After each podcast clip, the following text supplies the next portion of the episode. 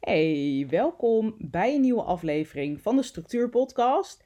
Ik ben Cynthia van Structuur Junkie en ik vind niks leuker dan jou verder helpen naar meer structuur, naar meer productiviteit. En dat ga ik vandaag weer doen in een nieuwe aflevering van deze podcast. Vandaag wil ik het hebben over Beyoncé. Nou ja, niet per se alleen over Beyoncé. Maar het is een, ehm, een quote die je vaak ziet, die ik zelf ook wel eens gebruik. En die ik vandaag wat meer wil uitdiepen en ook over wil hebben uh, wat je daarvoor lessen uit kan halen. Wat je heel vaak mensen hoort zeggen, en wat ik dus ook wel eens zeg, is: Je hebt net zoveel uren in een dag als Beyoncé. En uh, nou ja, je kan natuurlijk daar elke naam van elke succesvolle beroemdheid invullen. Je hebt net zoveel uren in een dag als Elon Musk. Je hebt net zoveel uren in een dag als Obama. Uh, je hebt net zoveel uren in een dag als, nou ja, vul maar in een grote naam.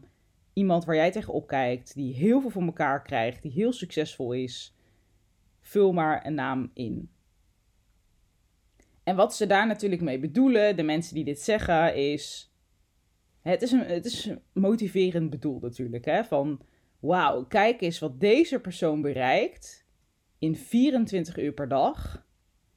Wow, en kijk eens naar wat je zelf dan kan doen en wil doen. Het is alleen niet helemaal een eerlijke vergelijking natuurlijk. Want iemand als bijvoorbeeld Beyoncé, laten we het bij Beyoncé houden, heeft natuurlijk een enorm team waar ze mee werkt. Met allemaal mensen die allemaal dingen voor haar doen. Alleen al hoe ze eruit ziet dat is natuurlijk. Dat, dat bereikt ze met hulp van bijvoorbeeld een visagist, een haarstylist, een personal trainer. Waarschijnlijk heeft ze een chef die voor haar kookt elke dag. En waarschijnlijk heeft ze ook nog eens, nou ja, ze heeft niet waarschijnlijk heel veel geld, ze heeft heel veel geld, maar meestal waarschijnlijk ook nog eens heel veel dingen uitbesteed in haar privéleven. Ik denk niet dat Beyoncé zelf haar boodschappen doet. Ik denk niet dat Beyoncé zelf haar huis stofzuigt of haar tuin, in de tuin aan het werk is. Nou, en zo kun je natuurlijk nog veel meer dingen bedenken die haar leven een stuk eh, productiever kunnen maken. Uh, en als zij reist, dan reist ze natuurlijk in haar eigen vliegtuig, waardoor ze veel meer tijd heeft of om uit te rusten of om te werken.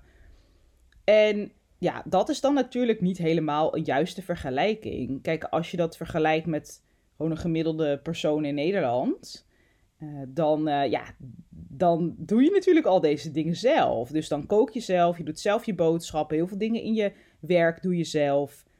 Je hebt geen, geen visagist elke dag. Misschien soms als je een keer een fotoshoot hebt of iets heel bijzonders. Maar we hebben geen visagist. We doen zelf onze boodschappen. We koken zelf. We maken zelf ons huis schoon. Etcetera. Dus ja, je hebt net zoveel uren in een dag als Beyoncé. Dat klopt. Alleen natuurlijk heeft Beyoncé veel meer uren waarin ze daadwerkelijk echt dingen kan doen die het verschil maken. Een heel groot deel van de dag. En jij hebt dat waarschijnlijk niet. Waarschijnlijk heb jij een heleboel meer dingen te doen die je gewoon moet doen om alles draaiende te houden. Nou, nu is het wel zo dat we wat kunnen leren hiervan. Ten eerste is het natuurlijk gewoon super inspirerend dat iemand zo succesvol wordt, zo ontzettend veel geld verdient, dat je al deze dingen kan uitbesteden en dat je zelf kan doen waar jij het beste in bent qua werk maar ook waar jij het meest blij van wordt. En dat is voor mij een hele grote inspiratie en iets waar ik zelf ook altijd mee bezig ben. Ik heb zelf een bedrijf, hè, Structuurjunkie, en ik ben daar met mijn team altijd heel scherp op. Welke dingen doe ik wel en welke dingen doe ik niet? En de regel is eigenlijk dat ik de dingen doe waar ik echt een genius in ben, dus waar ik heel goed in ben. Uh, en ook waar ik in onmisbaar in ben. Het zou bijvoorbeeld best wel gek zijn als je volgende week in deze podcast ineens iemand heel anders hoort. Um, of als iemand anders workshops zou opnemen in mijn membership. Maar er zijn ook uh, heel veel dingen waar ik. Dus hè, aan de ene kant waar ik onmisbaar in ben. En aan de andere kant dingen waar ik uh, heel goed in ben. En die ik heel leuk vind om te doen. En er zijn dan een heleboel dingen die ik niet zelf zou moeten willen doen. Bijvoorbeeld klantenservice. Want dat is helemaal niet mijn zone of genius. Ik ben daar niet super goed in. Het kost me best wel veel energie. En ik kan met mijn tijd beter iets anders doen. Om daadwerkelijk mensen zoals jij, jij luistert nu naar mij, verder te helpen. Uh, in een podcast bijvoorbeeld, maar ook in de mails die ik bijvoorbeeld schrijf voor mijn e-maillijst. Of de workshops die ik maak. Het is heel belangrijk dat ik dat soort dingen doe. Maar ook bijvoorbeeld dingen voor de strategie van het bedrijf. En voor plannen voor de rest van het jaar. Of voor de rest van de komende tien jaar. Dat zijn dingen waar ik me mee bezig wil houden. En ik probeer mezelf zoveel mogelijk in mijn dagelijkse dag vrij te spelen van dingen die ik tussen haakjes moet doen om het bedrijf verder te helpen. En wat ik daarmee bedoel is dat we niet willen dat ik degene ben die plannen tegenhoudt. Dus doordat ik iets niet doe, doordat ik niet lever, doordat ik niet produceer, dat er dan dingen blijven hangen. Dus de meeste dingen worden in mijn team uitbesteed aan mensen die er super goed in zijn, die het ook nog eens heel leuk vinden. Ik bedoel, de mensen die, die eh, stel jij stuurt een mailtje naar onze klantenservice, dan zitten daar mensen die het heel leuk vinden om jou verder te helpen en jouw mailtje te beantwoorden. Het zou niet handig zijn als ik dat zou doen, want ik vind het niet leuk en uiteindelijk merk je dat. Dus dat is wat ik kan leren van iemand als Beyoncé. Maar ook als je geen eigen bedrijf hebt, of als je een bedrijf hebt dat niet op die manier werkt, dus waarin het wat lastiger is om jezelf vrij te spelen, kun je er nog steeds heel veel van leren. Zo heb ik al heel lang hulp in huis. Dus ik maak mijn huis of ons huis. Ik woon hier samen met mijn vriend. Wij maken ons huis niet zelf schoon. Ik doe het al heel lang. Ik laat het al heel lang door iemand anders doen. Waarom? Omdat ik, en dat klinkt heel arrogant, zo bedoel ik het niet, maar ik vind mijn tijd te kostbaar. Dus de tijd die ik heb, besteed ik liever of aan hele nuttige dingen doen voor in mijn bedrijf, of aan kwalitatieve tijd om te ontspannen, of om bijvoorbeeld te sporten, of om leuke dingen te doen. En om dan drie of vier uur te gaan schoonmaken, dat vind ik dan niet de juiste besteding van mijn tijd. Die besteed ik dan liever aan iets wat echt nuttig is, of iets wat echt leuk is, of iets wat echt voor goede ontspanning zorgt. En zo zijn er meer dingen. Zo laat ik bijvoorbeeld elke zaterdag mijn boodschappen bezorgen. Ik kom praktisch niet in een supermarkt.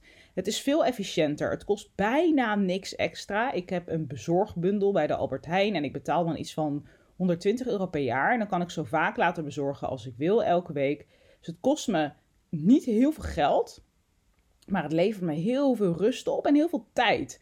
Want stel dat ik elke week één of twee keer naar de supermarkt zou gaan, dat kost me veel meer tijd dan het even online in de app bestellen en het dan op zaterdag laten bezorgen en even in huis opruimen. En zo zijn er meer dingen uh, in en om huis die ik uitbesteed, die niet ongelooflijk veel geld kosten, maar die wel heel veel rust en extra ruimte opleveren. En goed, je hebt dus niet Ehm, je, je, je, bent niet Beyoncé, dus je hebt niet alle resources die Beyoncé heeft. Maar er zijn wel dingen die je kan leren van hoe zij het doet. En ik vind het heel interessant en heel inspirerend. En zoals je merkt, haal ik daar dus zelf zeker concrete acties uit die ik zowel in mijn bedrijf toepas als in mijn privéleven. En ik denk dat dat heel erg begint met je eigen tijd op waarde schatten. Dus je eigen tijd zien als iets heel kostbaars. En dat is het ook van iedereen. Jouw tijd is super kostbaar. Want het is tijd, je krijgt het nooit meer terug.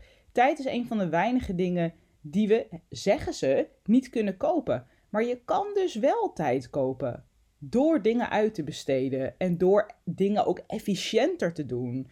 Dus door productiever te zijn, door slimmer met je tijd om te gaan geen tijd te verkwanselen. En daarbij zeg ik niet dat je niet mag treuzelen of dat je het tijd verkwanselen klinkt alsof je nooit een keer op de bank mag zitten. Juist wel. Die tijd voor jezelf is ongelooflijk belangrijk.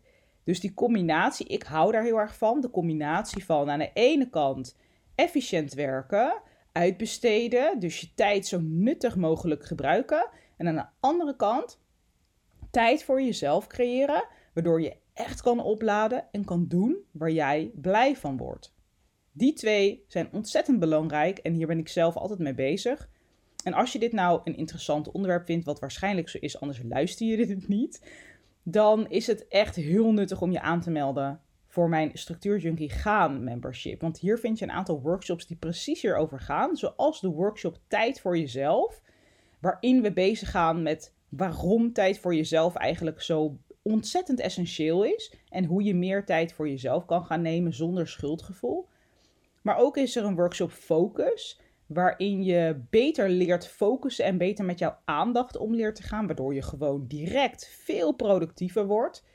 Er is ook een workshop hyperproductief thuiswerken, waardoor je ook efficiënter met je werkdag omgaat. Dus er zijn een aantal workshops die op dit onderwerp. Oh, en er is ook een workshop balans die ik helemaal vergeet. Waarin het helemaal gaat over de balans tussen jouw werk en jouw privéleven. Die er ook niet altijd is en wat ook oké is. Uh, en hoe je dat kan fixen. En je vindt nog veel meer workshops in het membership. Je vindt ook een community waar je altijd terecht kan met je vragen. Waar je ook altijd je planning mag delen. Waar ik dan vervolgens uh, naar kijk en meedenk. Je kan in de QA's terecht met je vragen. En je kan ook elke week uh, meedoen met een focus sessie. Dan gaan we samen via Zoom aan de slag met een project of een takenlijst die voor ons belangrijk is. En door anderen te zien focussen, ga je zelf ook beter focussen. Dus ik zou het heel leuk vinden om je daar later deze week te verwelkomen. En natuurlijk om je volgende week weer te horen, of nou ja, dat jij mij hoort in een nieuwe aflevering van de Structuur Podcast.